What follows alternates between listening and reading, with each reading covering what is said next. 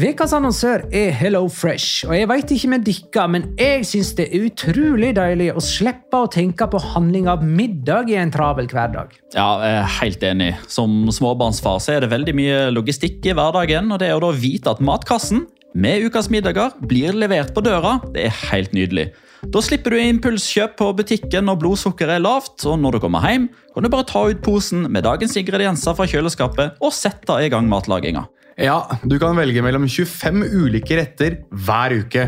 Og de har faktisk en egen kategori som heter Raskt og enkelt, med masse enkle og gode oppskrifter. Veldig greit å ikke måtte ty til takeaway hver gang det er hektisk på jobb.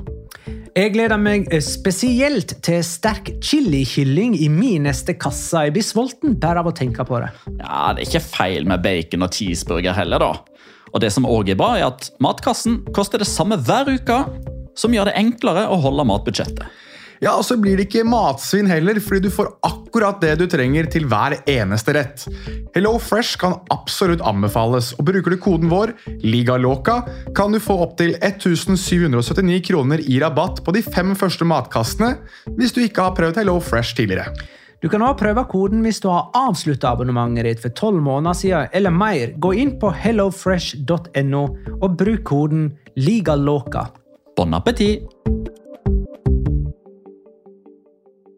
Hallo? Jeg kommer fra Oslo politikammer. Ine Jansen er purk. Er du purk? The motherfucking bitch. Alt jeg vil, er å finne ut hva som skjedde med mannen min. Jon Carew. Er jeg sikta for noe? Iben Akeli. Det er du. Ole So, Lars Berrum og Big Daddy Karsten. Hvem sin side er du på, egentlig? Anette Hoff, Tone Danielsen, Kommer du fra Afrika? Jørnis Josef, Nesten. Kløfta. Trond Espen Seim. Det er synd å si det, men det var feil mann som døde. Purk. Premiere tirsdag på TV2 Play.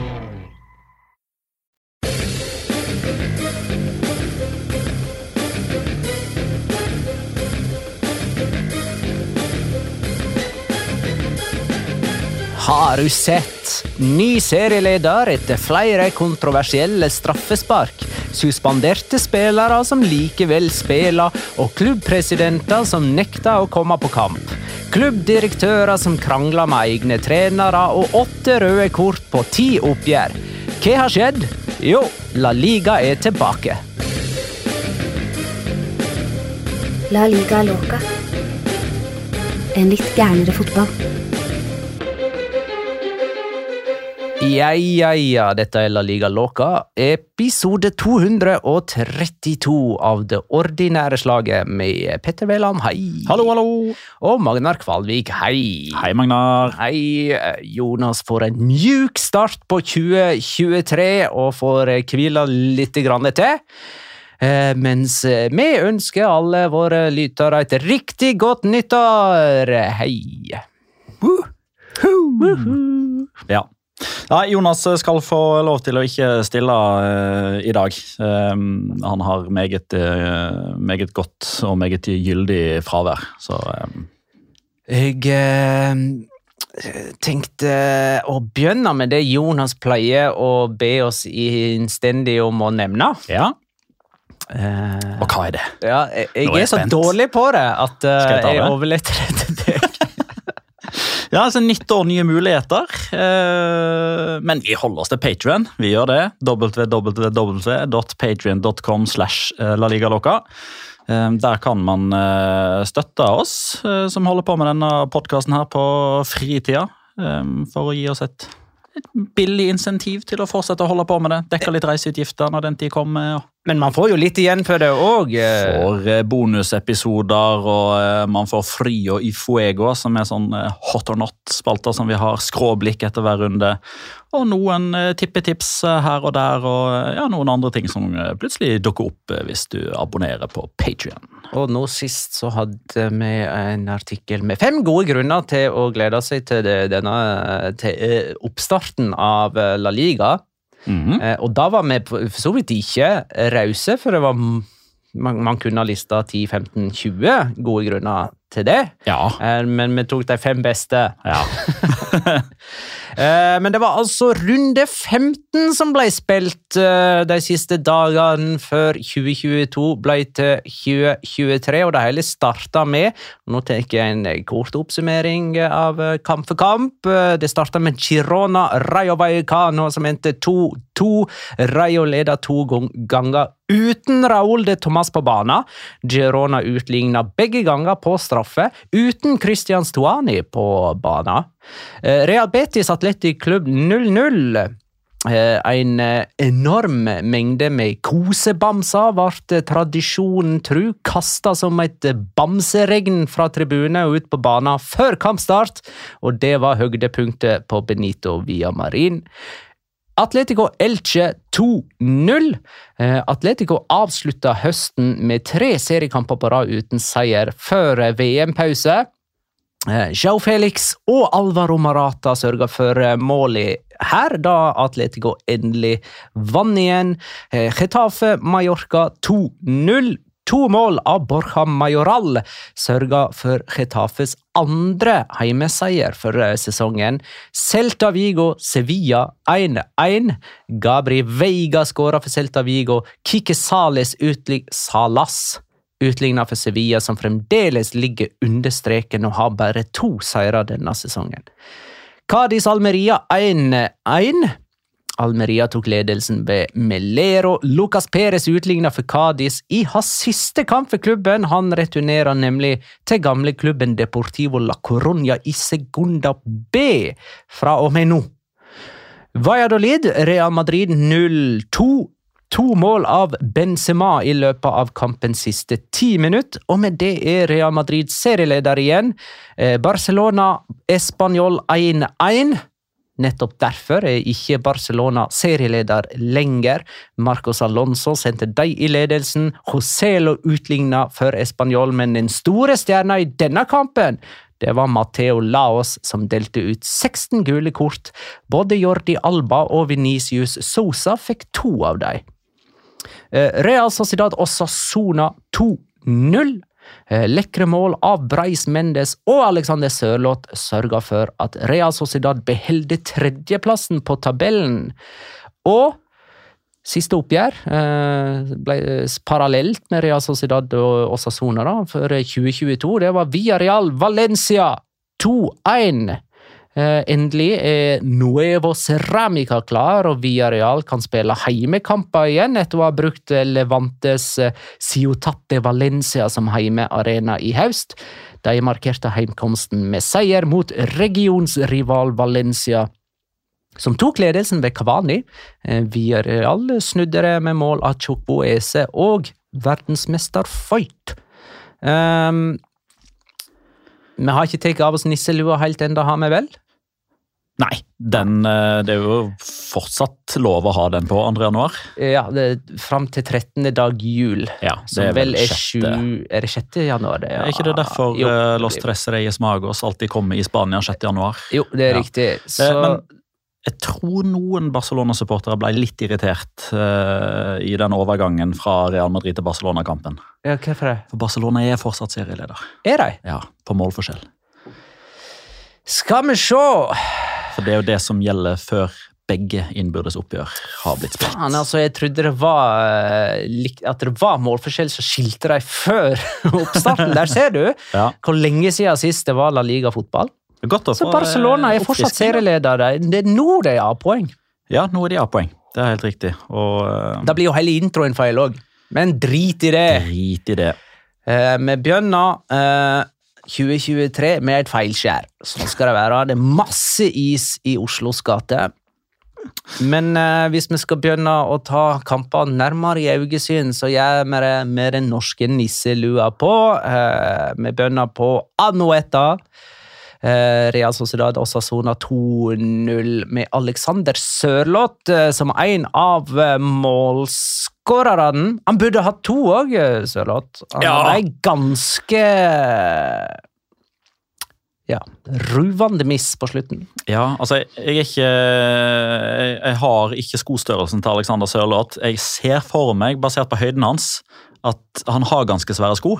Så han kan liksom ikke skylde på at han mangler altså Vanligvis ville du sagt ja, hadde han brukt én skostørrelse større, så hadde han truffet mer av ballen, og så hadde han gått rett fram istedenfor rett opp. Uh, ja, fryktelig nære. Og det siste han gjorde òg før han ble Han korrekt ble trampeklappa av banen. Og så tok det av enda litt mer når Mikael Oyal Sabal kom inn og spilte sin første kamp siden mars, var det vel?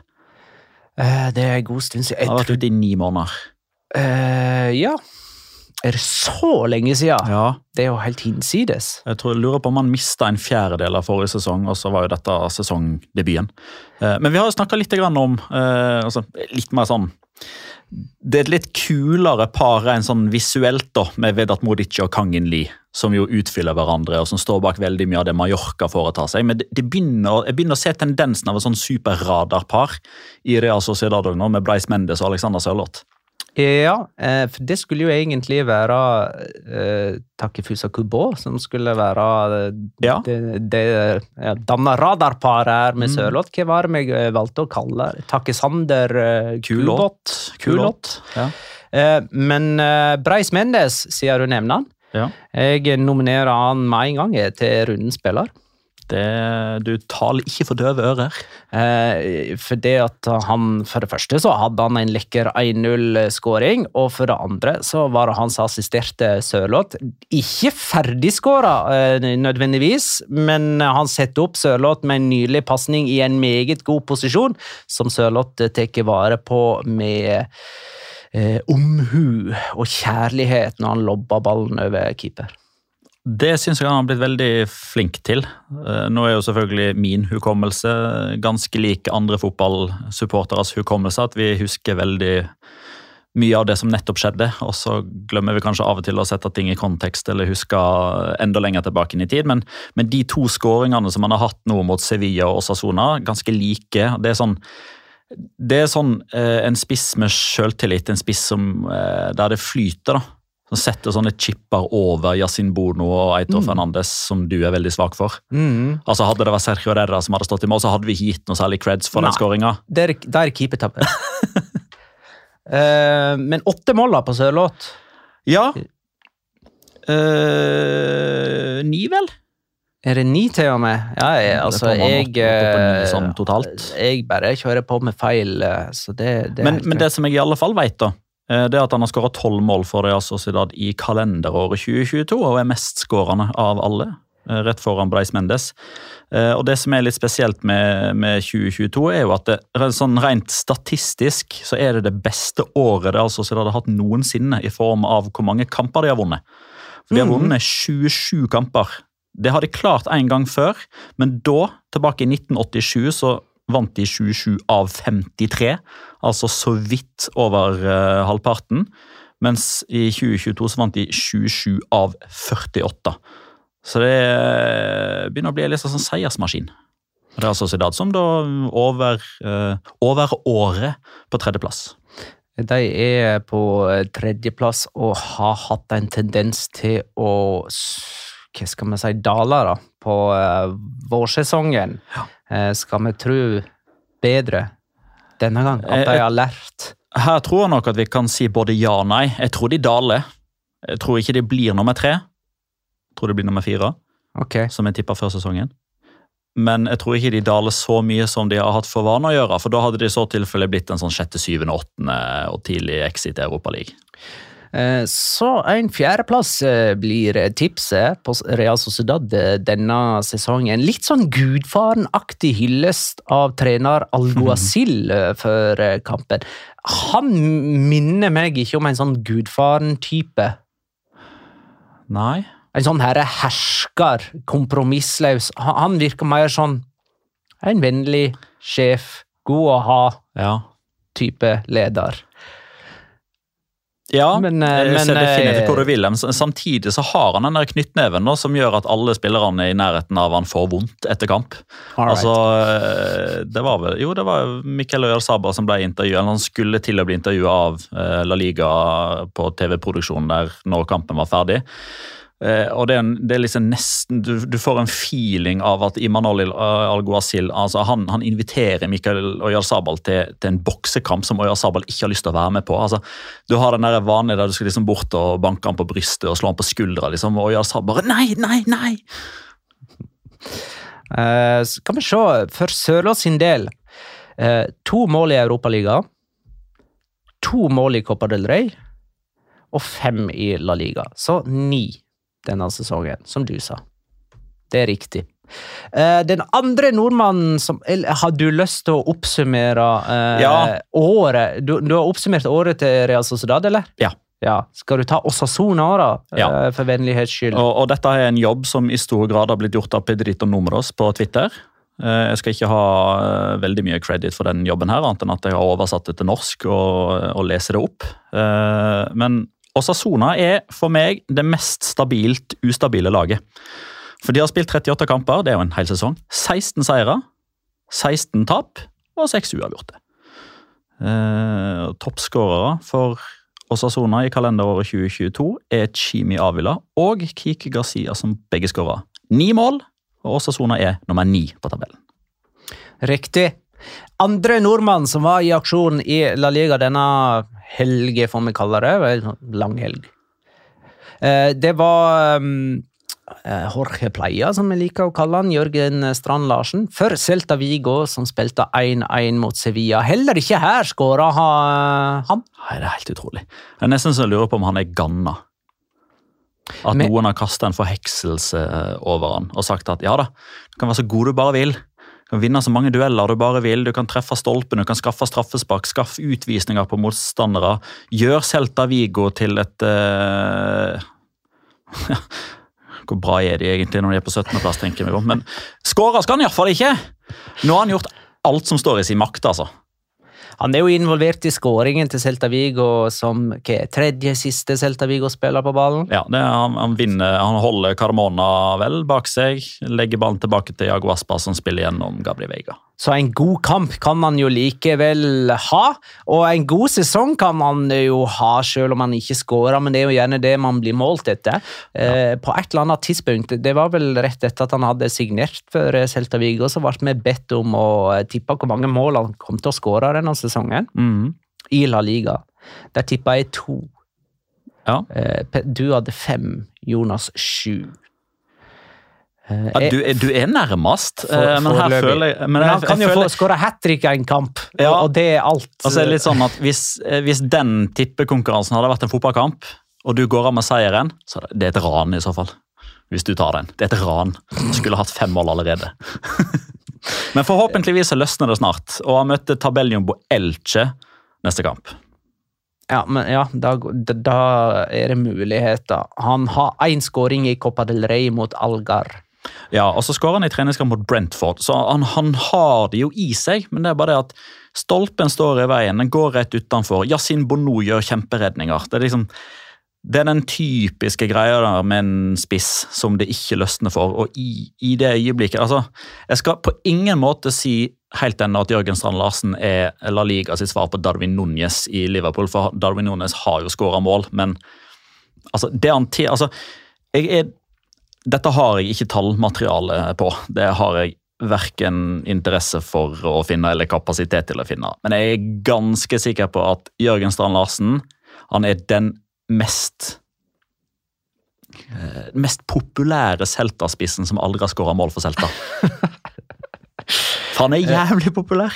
Eh, selv om Celta Vigo nå har åtte seriekamper på rad uten seier, Uh, og det å ikke slå Sevilla var kanskje sterkt en gang i tiden, f.eks. For forrige sesong, men nå er ikke det så sterkt lenger. Det er faktisk en ganske stor uh, nedtur. Uh, Sevilla ligger tredje sist. de fikk rødt kort her òg. Carmona ble utvist på tampen. Sju røde kort har de denne sesongen her. Og, og, jeg har jo messa om hvor pesete og stressa og oppjaga Sevilla er. Eh, det er aldri ro og beherskelse eh, når, man, når Sevilla er i aksjon. Eh, man blir stressa av å se på dem. Og Julian Lopetegi hadde evna til å, å heve stressnivået deres. Det var i alle fall følelsen min. Og den evna, den, den har òg Pauli. Hans framtoning på sidelinja er mer som et fugleskremsel enn ja, beroligende. Og nå har jeg attpåtil eh, nedrykksstrid. Mm. Eh, eh, altså, stressnivået deres det kommer ikke til å senke seg med det første. Synd for Sevilla at Gareth Southgate ikke trakk seg eh, som engelsk landslagssjef.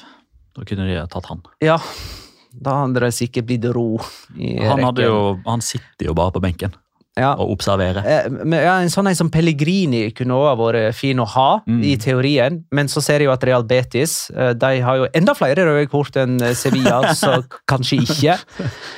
Men jeg, jeg forstår det sånn at det bare blir mer og mer bråk internt i Sevilla òg. Ja. At Monchi og alle som jobber i kontor driver og sparker inn hverandres dører og ja, taler, billedlig tale, ikke bokstavelig tror jeg. Altså, det er jo selvfølgelig det er vanskelig for oss å vite, men vi kan jo lese og høre ting. Eh, Og blant det som rapporteres, da var det vel Deportes Cuatro som hadde et lite innslag på, eh, på en sånn nyhetssending. Det var at eh, Pepe Castro, Sevilla-presidenten, måtte fungere ikke som tolk, men mer som sånn budbringer fra Monchi til Jorge Sampaoli, som visstnok ikke er på talefot lenger eh, pga. Eh, altså, misnøye med hvordan stallen er sammensatt og hva man skal prøve å få til i januar.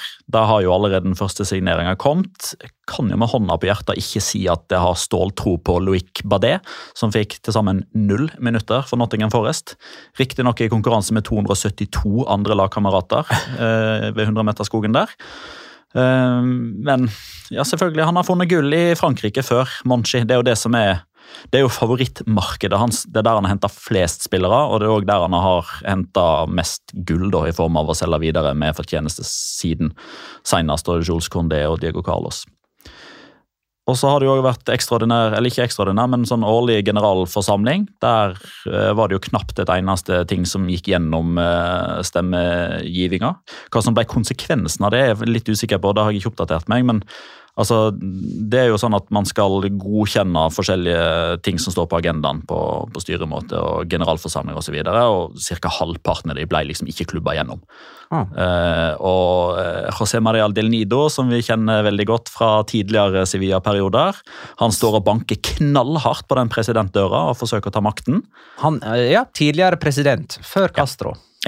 Um, mens eh, Pepe Castro da naturligvis gjør det han kan for å klamre seg fast til posisjon. Så det, det er veldig mye som ikke er som det skal i Sevilla.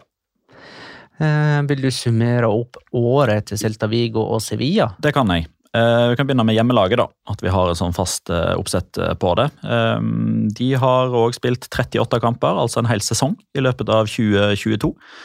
De har tapt fem kamper mer enn de har vunnet. De har vunnet 12 og tapt 17, og de har negativ målforskjell.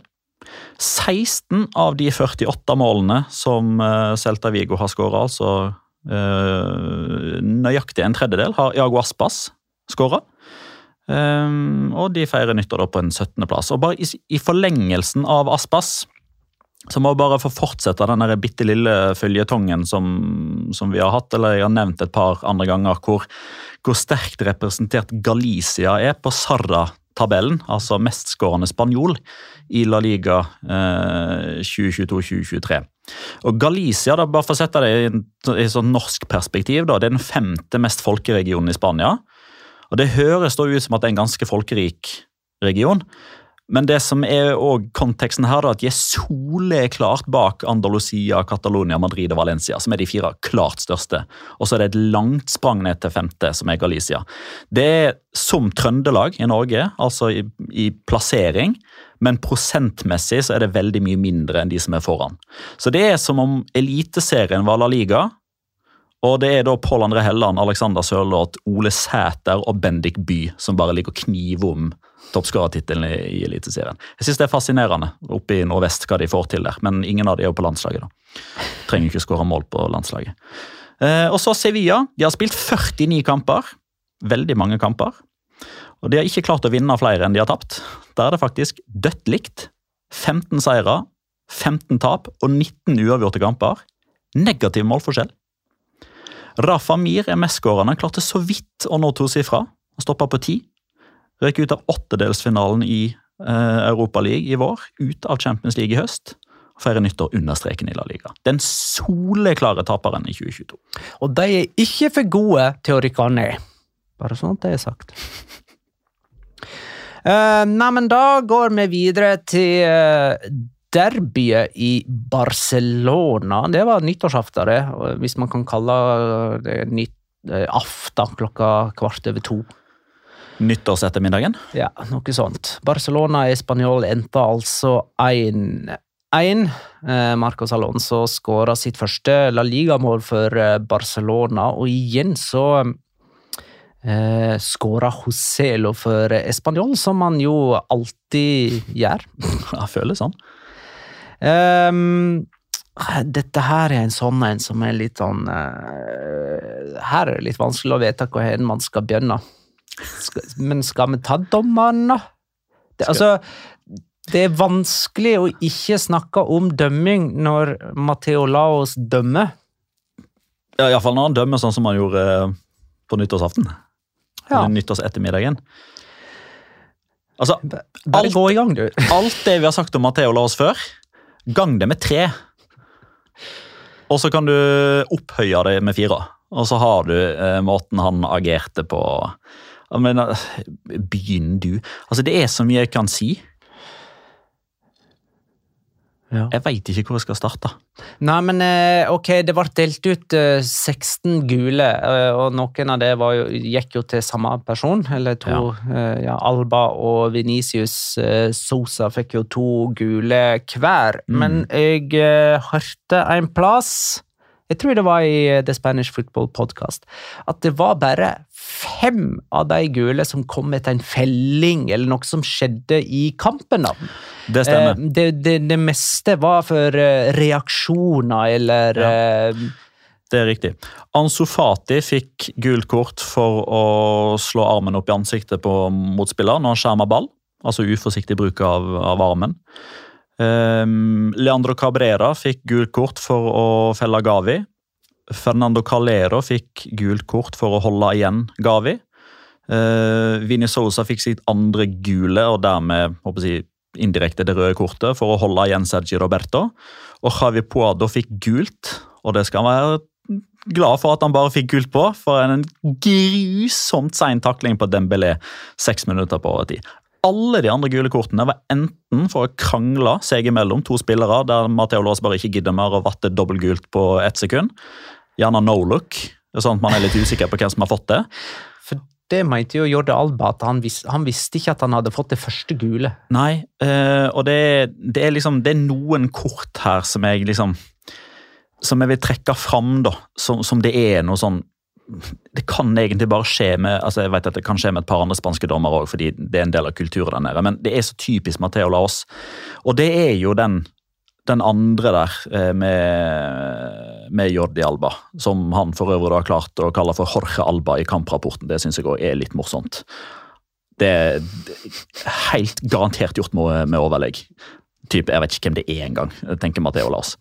Eh, For han fikk det første gule etter 74, eller i spilleminutt 74 for å krangle med Vinnie Sosa. Så de to som blir utvist for to gule, får begge sitt første gule kort i løpet av en sånn der no look dobbeltkort eh, fra Matheo Lahos der. Det er i, i etterkant av straffeskåringa til Joselo. Der man åpenbart bare er litt sånn eh, Det var ikke straffe, eller gi meg ballen, eller tull. Um, og det andre er Ferran Torres, og der syns jeg Sidlow hadde et veldig godt poeng i The Spanish Football Podcast. Det er det mest Mateo Lahorske kortet som fins, og der finner du veldig mye av det som er galt med dømminga hans i den kampen her. For det som skjer, er at Ferran Torres det er skulder mot skulder inne i 16-meteren til Spanjol. Han går ned, slår litt sånn ut med armene på refleks og spør ikke dette straffe.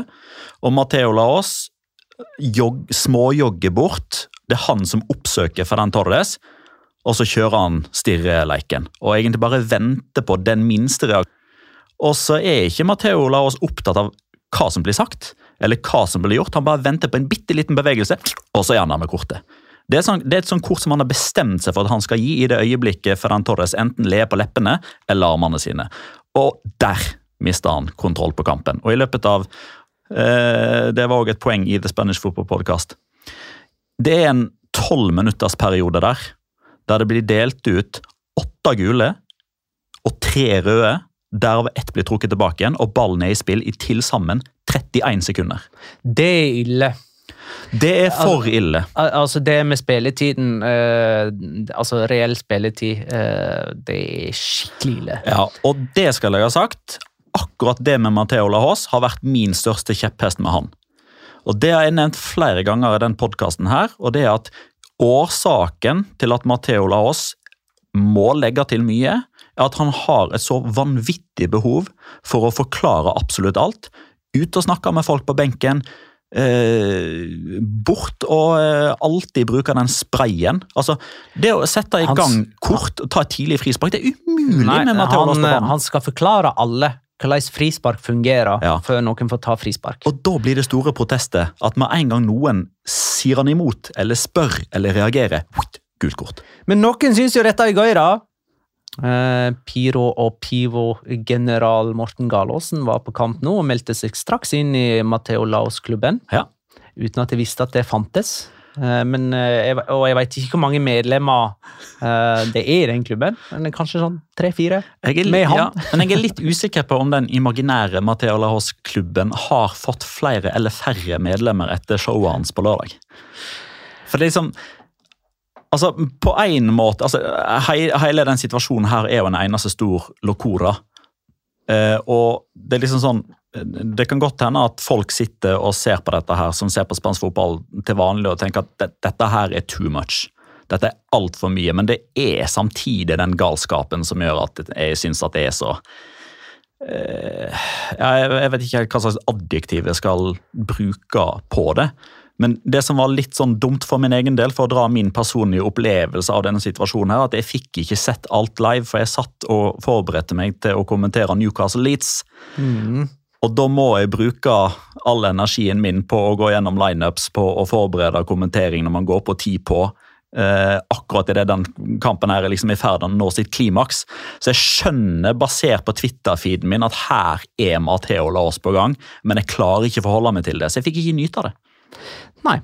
Eh, Joselo skåra på straffe for eh, Español. Det var Barcelonas første baklengs på kamp nå i La Liga denne sesongen.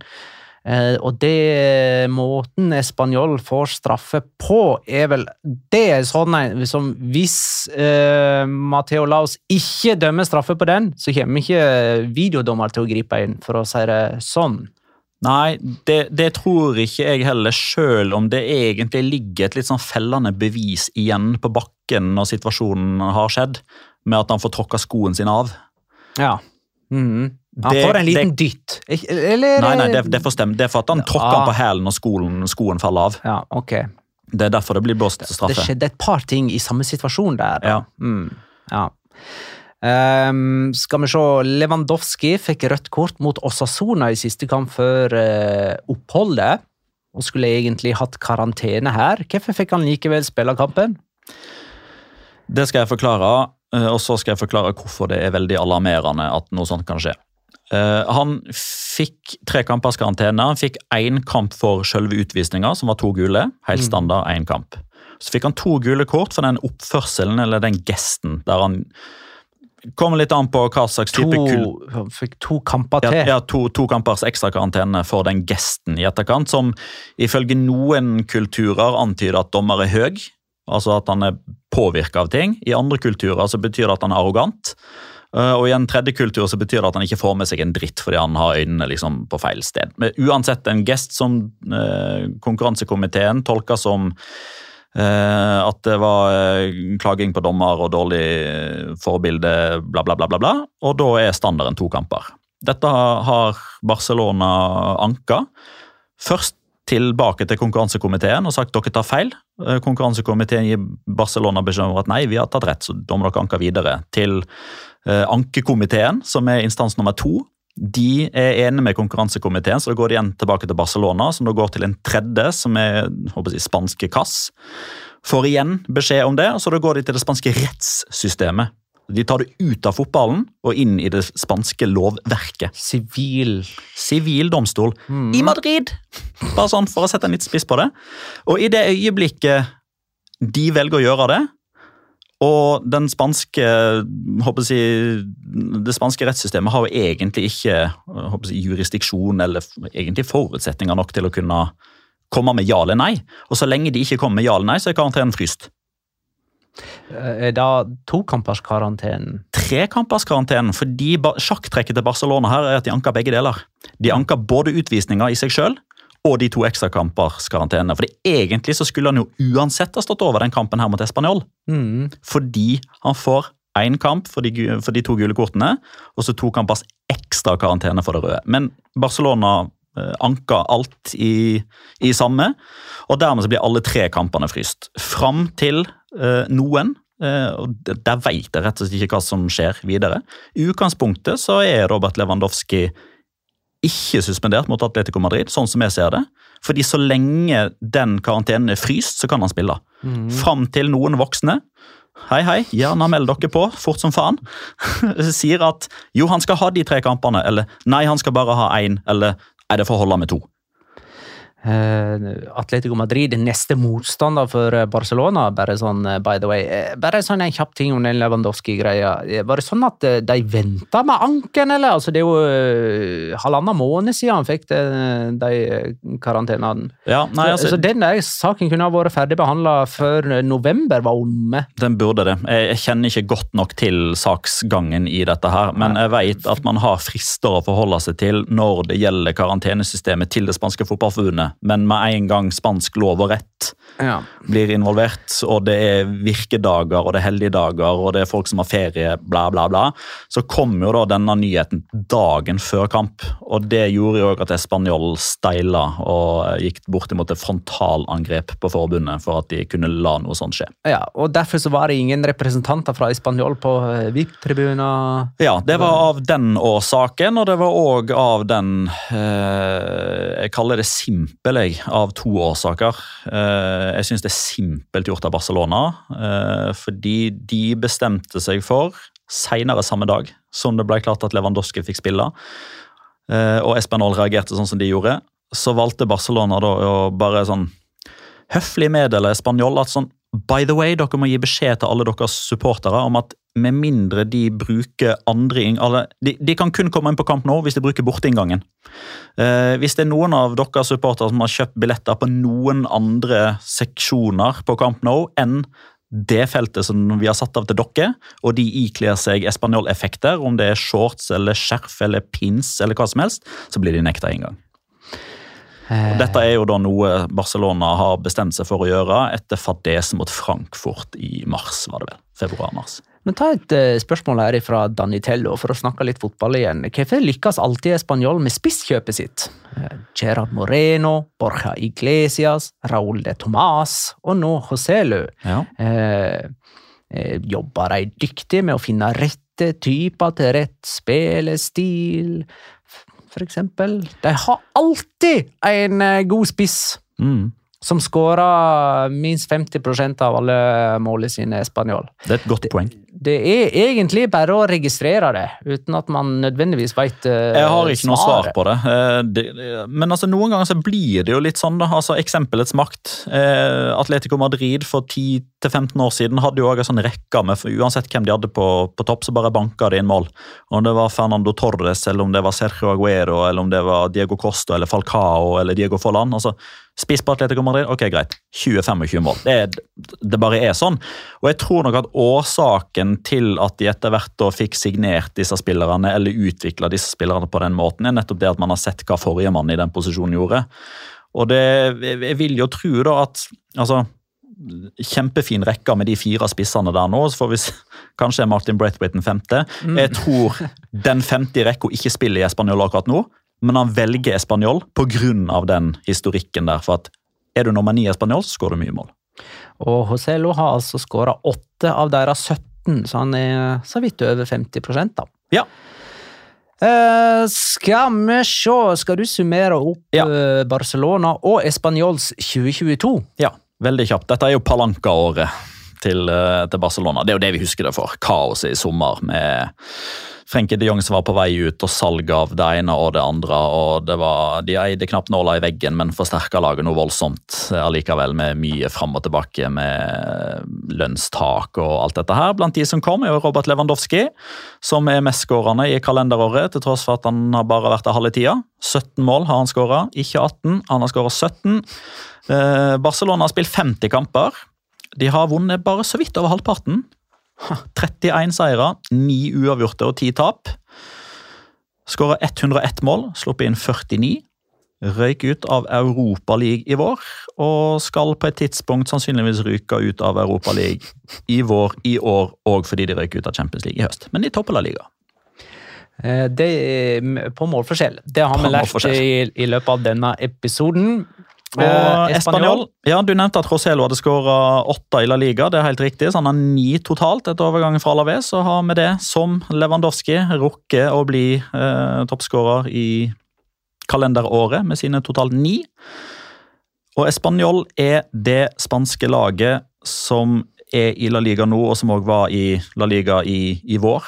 Altså Som har spilt minst 38 kamper i løpet av året, som har vunnet færrest kamper. De har kun vunnet sju. Sju seire, 15 uavgjorte og 16 tap. Og det har en målforskjell på 41-57. Og feirer nyttår på 16.-plass.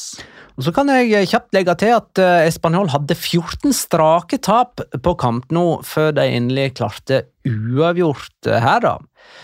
Ehm, Real Madrid de vant altså i Valladolid etter to mål av eh, Karim Benzema.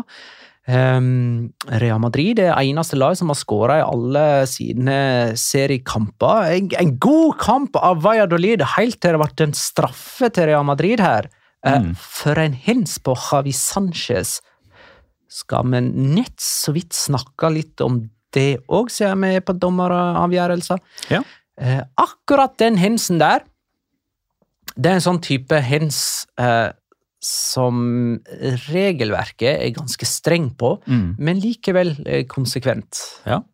Så akkurat den, det er sånn her Så, ja, som Det regel burde kanskje ikke Det burde ikke bli straffe, men akkurat den typen hens, eh, den blir, det, jeg- den blir det Mm. straffe på hver gang. Ja, nei, Jeg faller ned på samme konklusjon. at hvis, hvis jeg hadde fått lov til å være med i et panel som skal bestemme hva er hens type straffbar, så hadde sånne ikke vært en straffbar hands hvis jeg hadde fått muligheten til å Fordi den Altså, hadde han hoppa opp i stjerneformasjonen som en håndballkeeper for å gjøre seg større, da er det vilje hens. Bare peik på straffemerket og gi han gult kort, ferdig med det.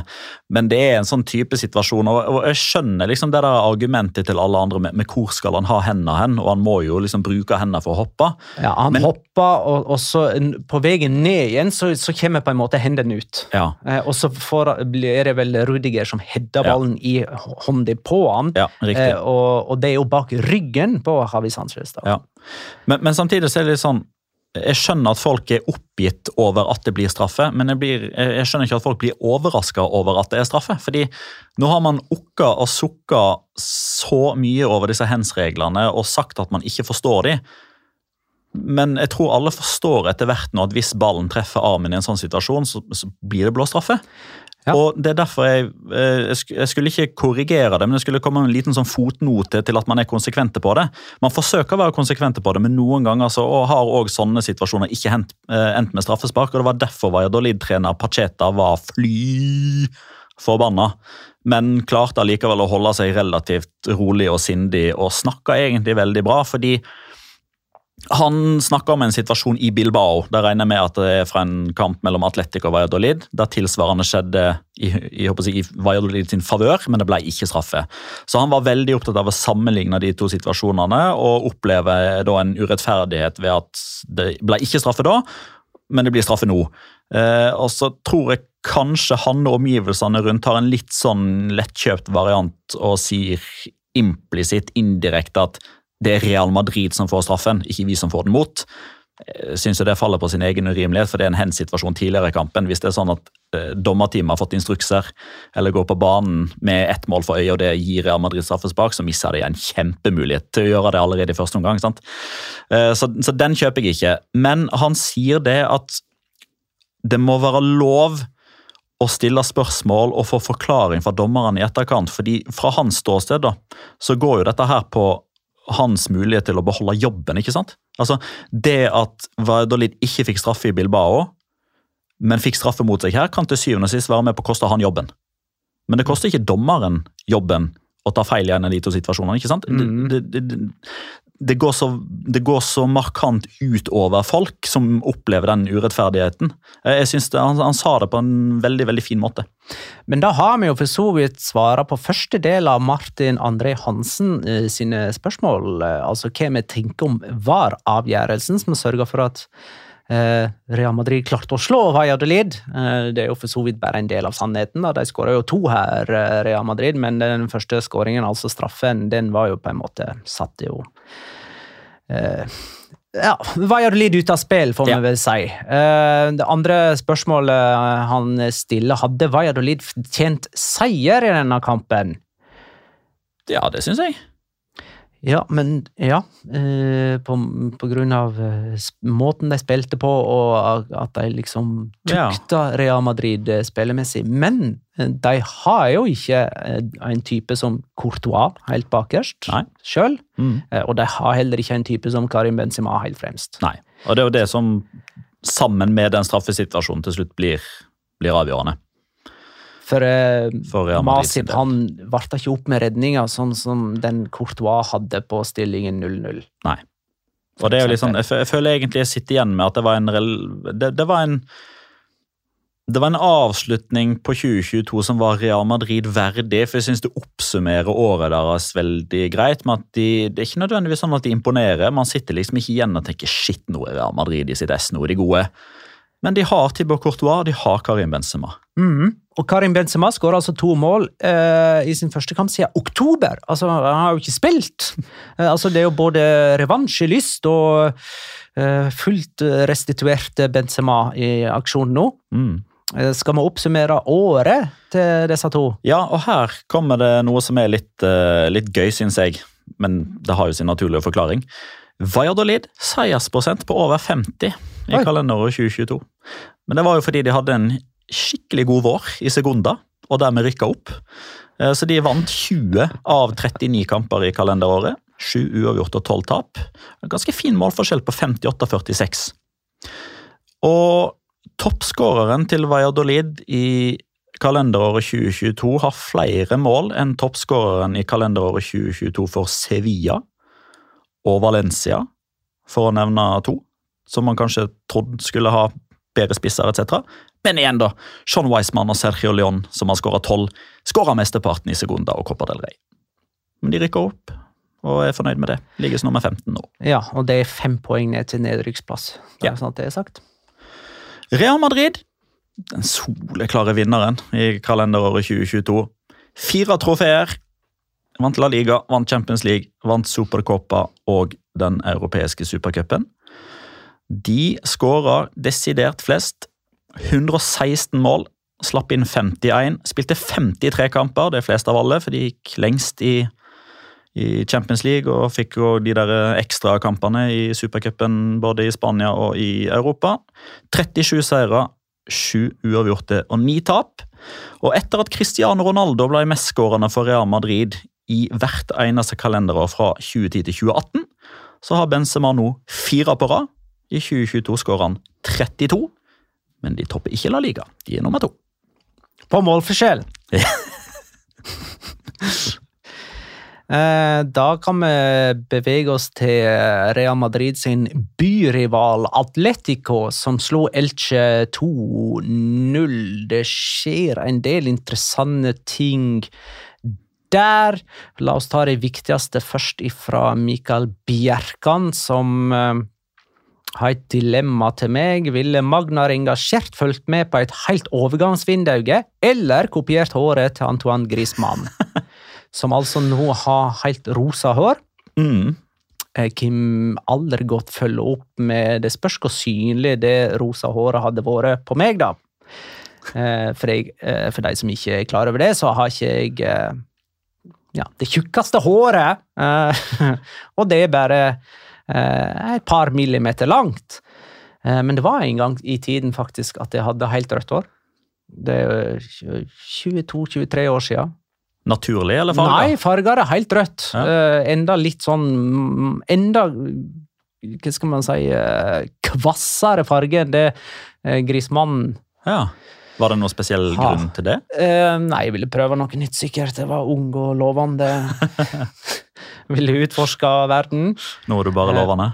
Ja, eh, så med, med den argumentasjonen til Kim Allergott om at det der eh, rosa, den rosa fargen ikke hadde syntes så godt på meg uansett, og siden jeg har hatt det før, så eh, ville jeg gått for fargen til Antoine Griezmann på håret, og så hadde jeg venta til 31. januar med å se hvordan spillere som har gått hit og dit i løpet av overgangsvinduet, i stedet for å sitte head over heels hver dag. Jeg Ta det i overgangsvinduet, jeg.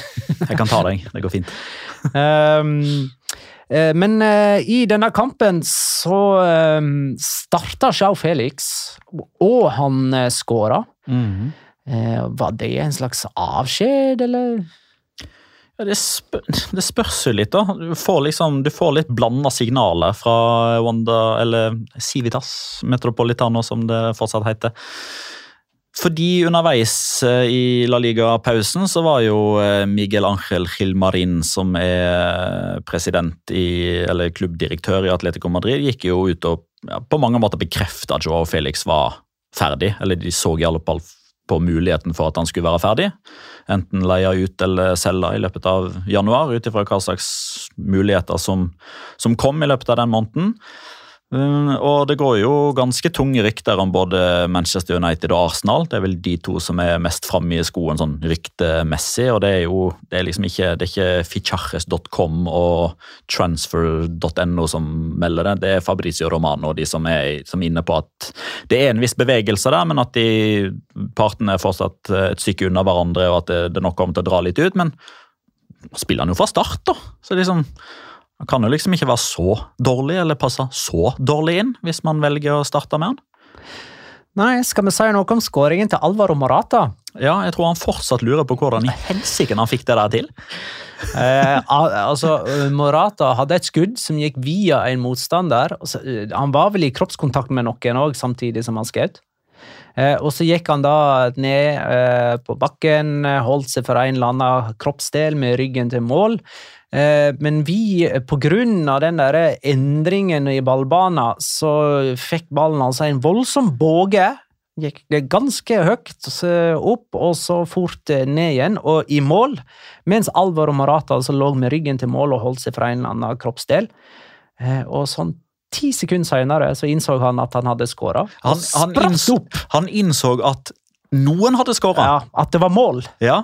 Og Da spratt han opp og var skadefri, Ja. mirakuløst nok, og omfavna en medspiller i pur glede. Og rett etterpå så blir han jo altså Jeg regner jo med at altså, han spør jo de lagkameratene som kommer ilende til, midt i jubelen. Altså, jeg kan altså satt inn returen, liksom. Nei, det var du som skåra! Altså, du ser liksom jeg, jeg, tror Kan det ha vært han Pablo Barrios, han unggutten som spilte en veldig god kamp for øvrig? Jeg lurer på om det er han som informerer Alvaro Morata. Nei, det var du som skåra. Han bare hæ? uh, og vi må nesten også si noe om Mario Hermoso, for ehm, Ja, altså eh, Elche fikk en mann utvist eh, først her, eh, på stillingen 0-0. Var det rett før eller rett etter pause? Det var rett før. Ja. Ja, det var Gonzalo Verdo. Og så var det rett etter pause, vel, at Mario Hermoso fikk rødt kort. Fortsatt på stillingen 0-0! Eh, og det er hans andre røde kort eh, for Atletico denne sesongen. Han fikk jo det i eh, Madrid-derbyet, der han både skåra og ble utvist. Og har jo hatt sin krangel og sånt med Atletico-supportere i løpet av denne sesongen. Så det stilner liksom aldri rundt ham. Det gjør ikke det. Han har jo blitt utvist fire ganger nå da, i løpet av 76 kamper. Eh, 78 kamper for Atletico, Atletico Madrid, så han blir, jo, han blir jo utvist i snitt hver 20. kamp. Så siden Her passende nok. Diego Simione holdt på å få eh, rødt kort over alle bauger og kanter på 90-tallet. Så er det kun én mann som har fått like mange gule kort, nei, like mange røde kort i Atletico Madrid som Mario Måså, og det er Gabi. Og han, eh, om ikke 1000 kamper, eh, kanskje ikke 500 heller, men han, han spilte litt flere kamper enn Mario Almoso, kan du si. Så kortene kommer tettere, og hyppigere for eh, Mario Almoso sin del, som jo altså hadde det ikke vært for at alle de andre midtstopperne til Atletico Madrid enten er skada eller underpresterende, så hadde jo han blitt kasta på fyllinga for lenge siden. Eh, PS Hingsten eh, spør hva må Simione gjøre for å få dette laget på rett kjøl. Nå vant de jo, men eh, de hadde altså fire uavgjort på rad på Metropolitano før denne seieren. Dette var deres første hjemmeseier siden 8. oktober. og Jeg vet at det har vært et opphold, men det er likevel lenge siden. Og under VM så var det spillere som gjorde det bedre for sine landslag enn de gjør det på Atletico Madrid. Mm. Han ble jo konfrontert med det, Simione, på en presseseanse før den kampen mot Elche. Og altså, Er det én ting Diego Simione skal ha, så er det at han, han framstår alltid som liksom ærlig og redelig utad. Altså, han legger ikke skjul på at det er dårlig stemning mellom han og Joao Felix. Noen ganger altså, kan han liksom ta bruk i ironi, sarkasme, sånne språklige virkemidler som gjør at man kanskje får et inntrykk av at han ler ting bort, eller kanskje ikke bryr seg så mye. Men akkurat dette her med at f.eks. Antoine Griezmann i litt sånn semi-ny rolle for Frankrike og Joao Felix, eh, for å nevne noen, da, gjør det markant bedre og ser ut som liksom mer friere spillere i sine respektive landslag enn klubblag, så sier jo han at det er liksom, ja, det, det er min feil. Og det er min jobb å sørge for at de kan prestere på et like høyt nivå for klubblaget. Så jeg tror han har et liksom kanskje et ønske om at nyttårsforsettet han skal være at han skal ta steg som fotballtrener sånn offensivt. da. Men det har han jo prøvd på i ti år. Så jeg har ikke trua. Du har din Locora herifra, du, Petter. Ja. Handler det om eh, Elche? Nei. Nei. Kan jeg bare ta en Elche-fakta da? Ja. Før du får uh, Locoraen din. Og det er jo at Pablo, Pablo Machin debuterte som Elche-trener. Og hvis vi tar med vikarene de har hatt denne sesongen, så har de altså hatt da, med Pablo Machin fem trenere. Ja. Eh, og de har fire poeng. Så flere trenere enn poeng etter 15 serierunder der, altså. Ja. Min, min locora er noe som eh, Noe som eh, liksom, noe jeg kunne ha brukt for å forsøke å forklare liksom at fotball ikke er matematikk. Eh, fotball er mer enn dette spill mot spill. Det handler liksom òg om eh, F.eks. måten fansen kan spille inn på hvordan prestasjonen kan være.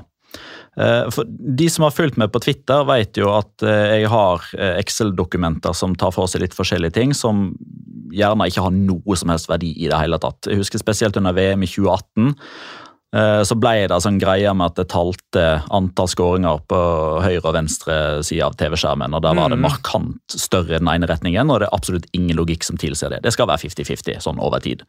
Og så er det statistiske materialet relativt begrensa i en stor sammenheng, så det er sånn superenkel forskning viser. Men det jeg skal fram til her, er målforskjellen til Atletico Madrid på Wanda Metropolitano, eller Civitas Metropolitano som det heter nå, etter at de bytta stadion.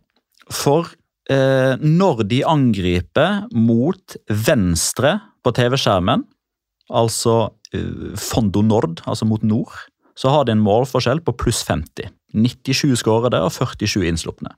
Men når de angriper mot Fondo Sor, der fansen står, der det kanskje er lettere å forestille seg at det er lettere å bygge trøkk og momentum, og en annen faktor, de spiller mot eh, Fondo Sor stort sett hver gang mot andre omgang, typ spiller alltid mot Elva i annen omgang, som de gjorde i Drammen i tid. Der er målforskjellen 143-39. Det er en forskjell på 54 plussmål på den ene sida av stadion kontra den andre. Det er sånn som er ufattelig gøy, og egentlig ikke mulig å forklare med noe annet logisk enn skåres flere mål etter pause sånn generelt i fotball.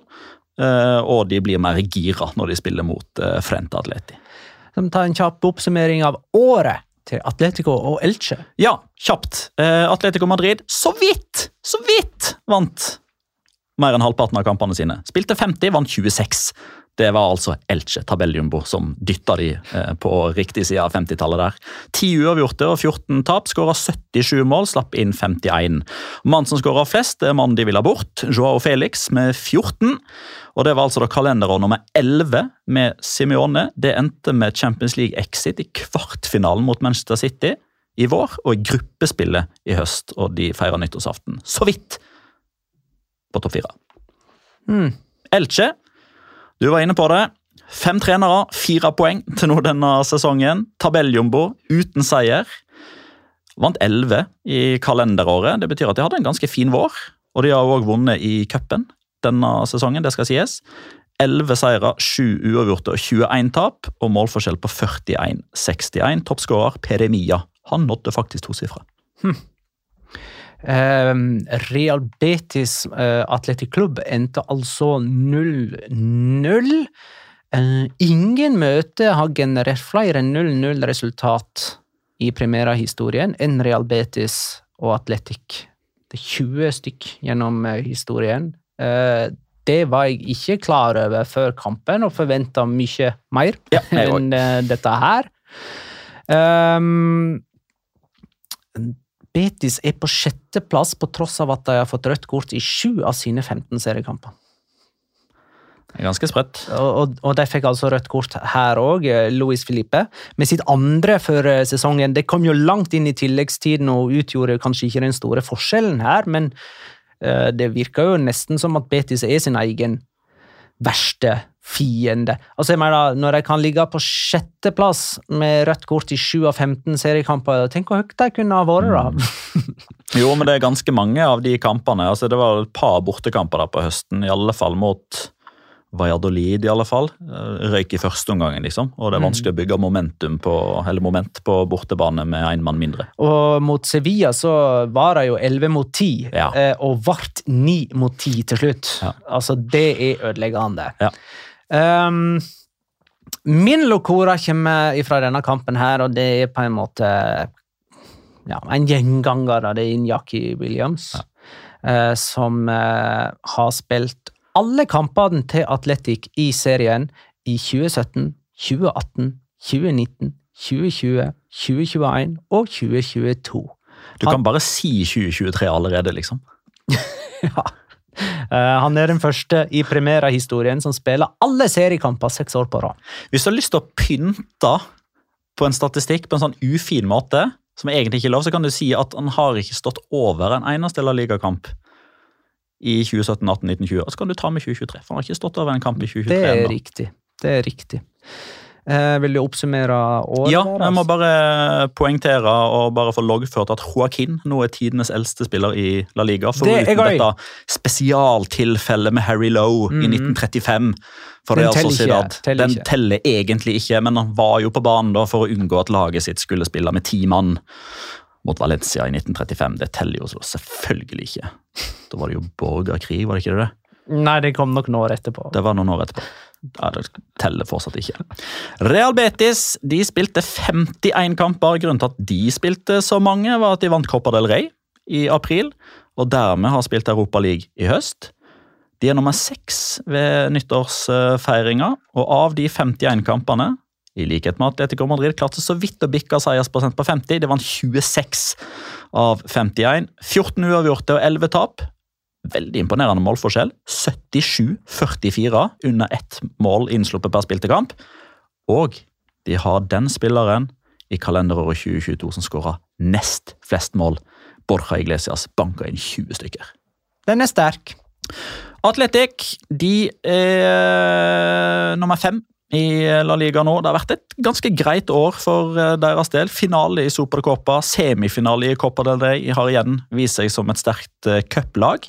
Får vi se om de klarer å holde inn i jakten på Champions League-plass nå, da, med Ernesto Valverde ved roret. De har spilt 43 kamper, vant 22 av de igjen, så vidt på riktig side av 50-tallet. Ni uavgjorte, tolv tap, målforskjell på 62-41. Toppskårer i kalenderåret 2022 er Alex Berenger, Injaki Williams og Oyan Sanset med åtte. Fint. Uh, Girona Rayo Vallecano endte 2-2. Um, eh, Rayo Vallecano avslutta da 2022 med sju strake seriekamper uten tap. Det er tangering av um, rekord uh, for dem i premiera. Eh, og til helga så spiller Rayo hjemme mot Betis, og da er vel Raúl de Tomàs klar for spill? Ja. Eh, da kan vi ta denne fra Roar med skarre R. Hvor mange mål enda Raúl de Tomàs eh, på nå som han er frigitt? Altså nå som han kan spille for eh, Rayo. Et eh, Den eh, merkverdige overgangen fra Español. Eh, nå skulle vi jo hatt, eh, vi skulle hatt Jonas her, da. Jeg, mm, men han kan få lov til å hvis, hvis du klarer å påminne meg om det, så skal han få komme med sitt tips i neste episode. Ja. Jeg sier ni.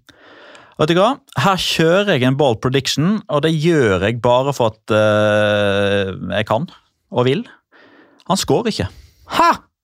Han forblir målløs. Han har mista all målteft i løpet av høsten, der han ikke fikk spille. Mm, så trasig. Er det mulig at Raúl de Tomas og Falcao kan danne spissduo på uh, Rayo? Kan ikke de bare ligge om til 4-4-2, altså? Ja. Altså, jeg, jeg sier ikke nei. Det hadde vært uh, verst. Skal ringe, skal ringe Andoni og spørre Ja. om vi kan få det til. Vi må uh, bruke våre kanaler, som de sier. Uh, Villarreal Valence Du, vent litt! Ja, må du må jo få oppsummere Må Girona oppsummere. og Rayo sitt 2022. Mm. Uh, Girona de spilte 44 kamper i kalenderåret 2022. De vant 19, spilte 10 uavgjorte og tapte 15. Målforskjell 60-48. En fjerdedel av de målene var det Christian Stuani som skåra. Hvis du er kjapp i hoderegning, så vet du allerede at det da var 15. De rykka opp og ligger nå som nummer 12, så det har vært et godt år for Girona. Rayo Vallecano de har eh, veldig mye dårligere tall enn hva jeg trodde. Men det er jo, for å komme tilbake igjen til en annen ting jeg sa tidligere i dag, jeg er som fotballsupportere flest. Jeg husker det som har skjedd nå nylig, for de er jo nummer åtte i La Liga. Men de har bare vunnet 12 av 42 kamper. 13 uavgjorte, 17 tap, 44 av 55 i eh, målforskjell. Kom til semifinalen i Copa del Rey, husker du det? Det er lenge siden. Og de har den toppskåreren som har skåret færrest mål i løpet av kalenderåret. Så Raúl de Tomàs, du er hjertelig velkommen. Sergi Guardiola skåra sju. Villarreal Valencia endte altså 2-1. Eh, Det mest åpenbare spørsmålet etter denne kampen er hvor stort må et åpent mål være for at Gerard Moreno skal skåre? Hva er det da? 2,43 ganger 8, 11 eller noe eller annet sånt?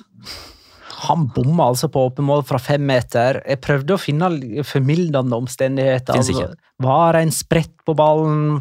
Eh, Fikk han han litt bak seg? Sklei han? Var. Nei, Det eneste må være at det kanskje er så tidlig i kampen at eh, sønnen ikke har rukket å komme på kampen. nå, og At han vil ikke at sønnen ikke skal få oppleve en skåring. Det, må, det kan kunne være det. Eh, Reina sto i mål for Villarreal. Eh, Det var hans første kamp i La Liga på nesten 18 år, Mm. og som 40-åring ble han tidenes eldste Han tok, klubben. han tok tre rekorder han i det dommeren blåste i fløyta. Ja, fortell. Du nevnte to av de. Ja. Altså, det er jo rekorden for lengste distanse fra forrige kamp i La Liga og til denne. 17 år og 219 dager. Han ble den eldste for Viadial gjennom alle tider. 40 år og 122 dager. Men det er òg det største tidsperioden fra debuten i La Liga til siste kamp i La Liga, som er Ja. 22 år og 29 dager siden. Um, Valencia ligger på tiendeplass, og jeg sitter alltid med en følelse av at det er mye verre. Eh, jeg veit ikke helt uh, hvorfor, men Nei. du får jo den følelsen av, av hvor ille det er liksom når de leder her med mål av Kavani, og alt er liksom bare fryd og gammen, og så punkterer alt med to baklengsmål, og kampen er snudd. Og... Jo, men Det er fordi vi fortsatt føler at Valencia som klubb skal være nummer tre eller fire. Ja, på størrelse og sånt. Ja. Jeg vil tro det, men eh, jeg sitter med samme, samme feeling. Men det er jo samtidig for, altså for, en liten, for å gi en liten shout-out til um, Patrion, uh, patronerne våre. da. En ting som jeg glemte å si at man får ved å være abonnent der, det er jo blant annet til, tilgang til Discord. ja. Og Valencia-kanalen på Discord. Altså, Der er det høyt og lavt fra et sekund til et annet. Det Det er er moro å se på, ass! det er den mest aktive tråden i vår discord, Ja. er ikke det det? Ja, altså Basert på antall innlegg så tror jeg nok det er flest innlegg der. Basert på antall tegn så tror jeg Barcelona er hakket større. Fordi det har blitt noen taktiske analyser og noen forklaringer der i løpet av overgangsvinduet osv. Nemlig. nemlig. Ja. Um, Men eh, Valencia står fortsatt sterkt i Norge sånn relativt sett. er du positiv til å sette igjen eh, nå i Villarreal? Er positiv igjen. Ja, altså Jeg poengterte jo eh, Nei, ja, du har kanskje slutt- aldri vært positiv. Nei, men jeg har vel aldri eh, vært negativ heller. Men jeg, men jeg har poengtert at det ikke har sett bra ut, men at det er veldig formildende omgivelser eller omstendigheter med at han tar over et lag som en annen trener har bygd sin filosofi rundt. Kom inn midt i sesong, det er kamp hver tredje dag, får knapt hilst på spillerne før første kamp. Får ikke trent ordentlig. Nå har de fått trent ordentlig, så det er først nå i begynnelsen av altså de første tre, fire, fem ukene nå, så bør man se konturene. Jeg syns det så bra ut mot Valencia. Eh, Og neste motstander er Real Madrid på Nuevo Det heter ikke Nuevo La Ceramica, sant? Nei, Det heter vel egentlig ikke Nuevo, det er jo bare Stadio de la Ceramica, men den er remodellert. Så det var vel jeg som i min forfjamselse skrev Nuevo Ceramica på Patrion på Fem ting å glede seg til. Ja, eh, men jeg ser, ja, eh, ser Nuevo Ceramica mange plasser, jeg. Ja. Men, men da er det nok kanskje bare en sånn Det er bare sånn for å forklare at det er nyåpna, liksom. Ja, Ja. det er greit. Året, da? Året nei, det avslutta jo med åpning av halv ny stadion, da. Eh, og Villarreal som fikk den første verdensmesteren som skåra mål. Hei! Hey. Juan Foyt, hvem trodde det? Eh, Villarreal spilte 52 kamper i løpet av kalenderåret 2022. Kun Real Madrid spilte flere, de hadde 53. Så vidt igjen. Det er mange som har sånn seiersprosent på 51-52. Villarreal vant 27 av 52 kamper. Uavgjort i 10, tapte 15, skåra 94 mål. Det tredje flest av alle. Slapp inn 49. Flest mål av alle, Arna, eh, Arnaut Danjuma med 12. Og Dette er året der Viareal kom seg til semifinalen av Champions League, men det er òg året de mista Unai Emeri, og visepresident José Manuel Janesa takka for seg for denne omgang. Og de feirer nyttår på syvendeplass. Valencia, altså her har du jevn jevnesen. 40 kamper, 13 seire, 14 uavgjorte, 13 tap, målforskjell 48-46. Og nummer ti i La Liga, som du poengterte. Finaletap i eh, Copa del Rey. Derfor spiller de ikke Europa, men skal spille Supercopa om eh, et par ukers tid. Eh, og de innehar den tvilsomme æren at de har, sammen med et annet lag Der er det en story, den kommer vi tilbake til. Den eneste spilleren i Eller de har den eneste spilleren som ble toppskårer i kalenderåret deres, som ikke lenger spiller i Spania. Gonzalo Gedes med sju, han er jo nå i Wolverhampton. Så Valencia er den eneste klubben som ikke har klart å beholde sin spiller i Spania. Sju mål i eh, toppskåreren eh, på, altså, for eh, et helt kalenderår eh, i Valencia. Um, Getafe Mallorca endte 2-0. Jeg har egentlig ingenting å si om den kampen, utover at Borja Majoral skåra begge målene, Uh, og da skåra han altså dobbelt så mange mål i denne kampen som han hadde hele høsten. Ja. Skal vi bare oppsummere med en gang? Ja, jeg kan også nevne at eh, Getafe møter Sevilla på Ramón Sánchez Pijuan i neste runde. Mm. Uh, og de får Altså, Getafe får ett rødt, og Sevilla to. I en kamp meg. som enda 1-1. Gleder meg. Retafe er den største konkurrenten til Valencia hva angår eh, navnjevn-jevnesen. De spilte 37 kamper, færrest av alle. De har bare spilt 37 kamper. Det er litt sånn mindfuck, men eh, det var en kamp der som ble skjøvet fram pga. noe VM for klubblag eller Supercopa eller et sånt, som gjorde at den kampen som egentlig skulle bli spilt i 2022, ble spilt i 2021. Av de 37 kampene så vant de 11, spilte 14 uavgjorte og tapte 12. Hadde målforskjell på 40-43. Eh, 2022 blir jo, som Pedrito Normados òg poengterer, det ble liksom eh, the great escape. De var jo døde og begrava ved nyttår i fjor, sånn mer eller mindre. Ligger på 14.-plass nå. 98% av æren til Enes Unal, som har skåra 16 mål dette året for blodfattige Retafe. Eh, Hvem var det de spilte mot igjen? De spilte mot Mallorca. Um, ja, de beholdt plassen på hengende håret. Det var i siste serierunde forrige sesong at de beholdt plassen. Nå har de eh, blitt bedre under ledelse av Javier Agirre. Ligger på 11. plass. Veldig mye takket være Vedat Morici, som har skåra 13 mål for eh, Øyklubben denne, dette året.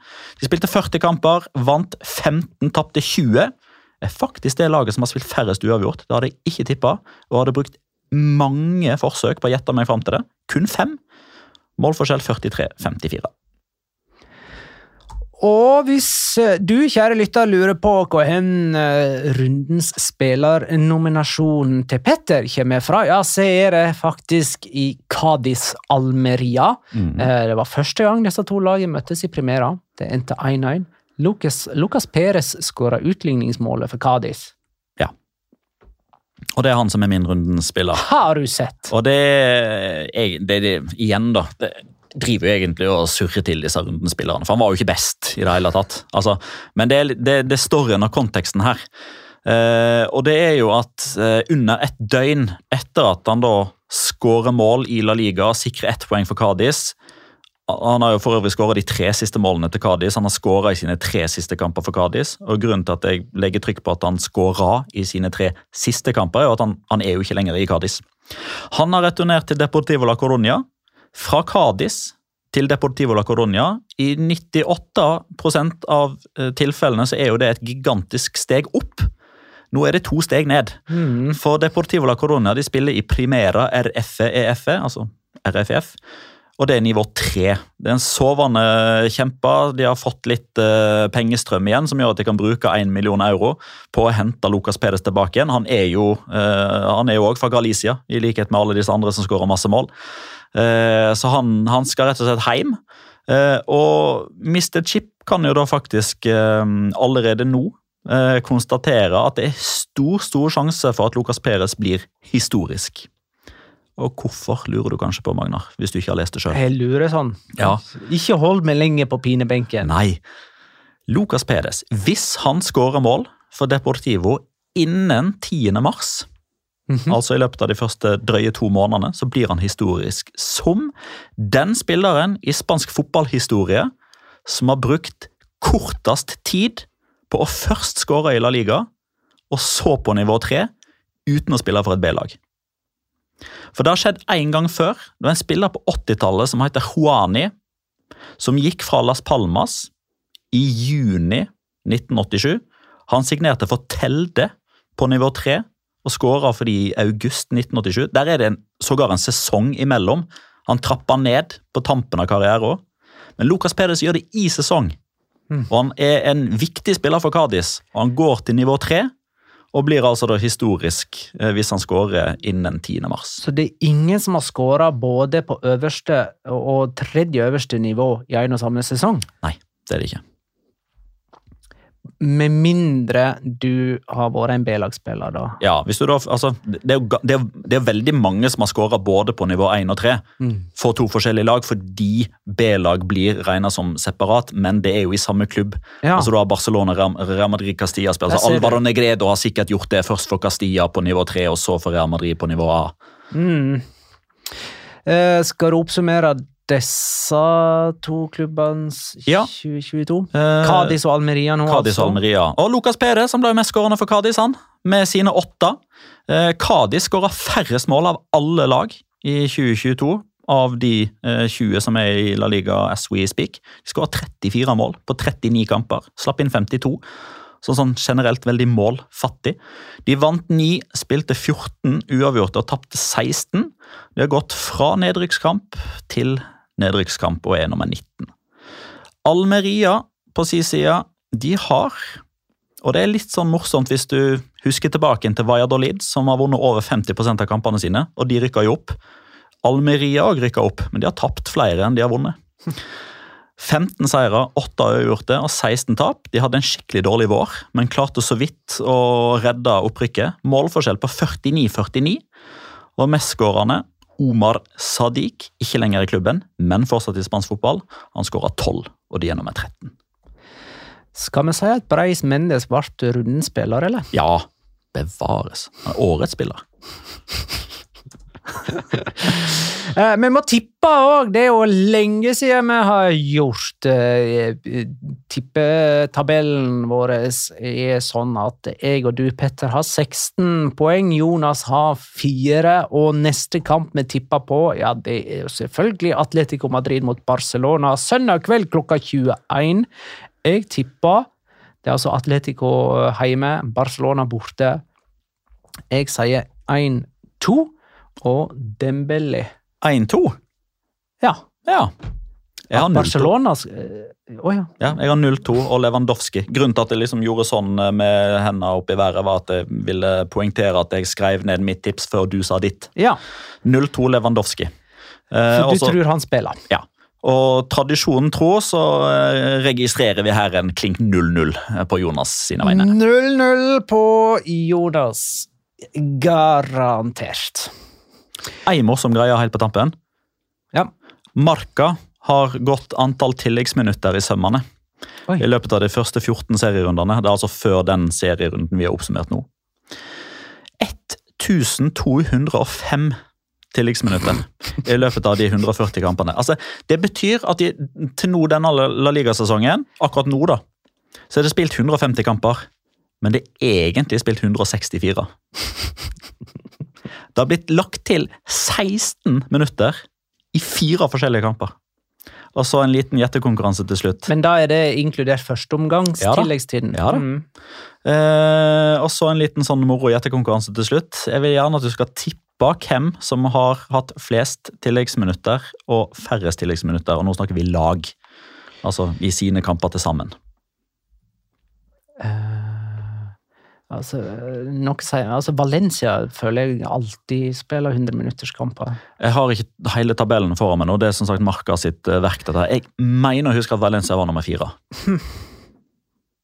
Eh, De, den klubben som har flest eh, Jeg, jeg tipper Real Sociedad er færrest. Og så tipper jeg eh, mm, Nei, jeg sier Real Betis flest. Um, jeg husker ikke hvor Real Sociedad og Real Betis var, så det er ca. midt på. Eh, jeg husker at uh, andreplassen var Girona. Tredjeplassen var enten Valencia eller Atletico Madrid. Førsteplassen Retafe. I deres 14 første kamper så ble det lagt til 136 minutter. Færrest, nest færrest er Villarreal. Færrest av alt, og igjen, jeg påpeker, før helgas runde, Barcelona med 101. Matteo Laos har nå sørga for at de er midt på tabellen. All right, nei, men det var alt eh, i vår første episode i 2023. Mer skal det bli! Takk for at du lytta, kjære lytter. Ha det, da.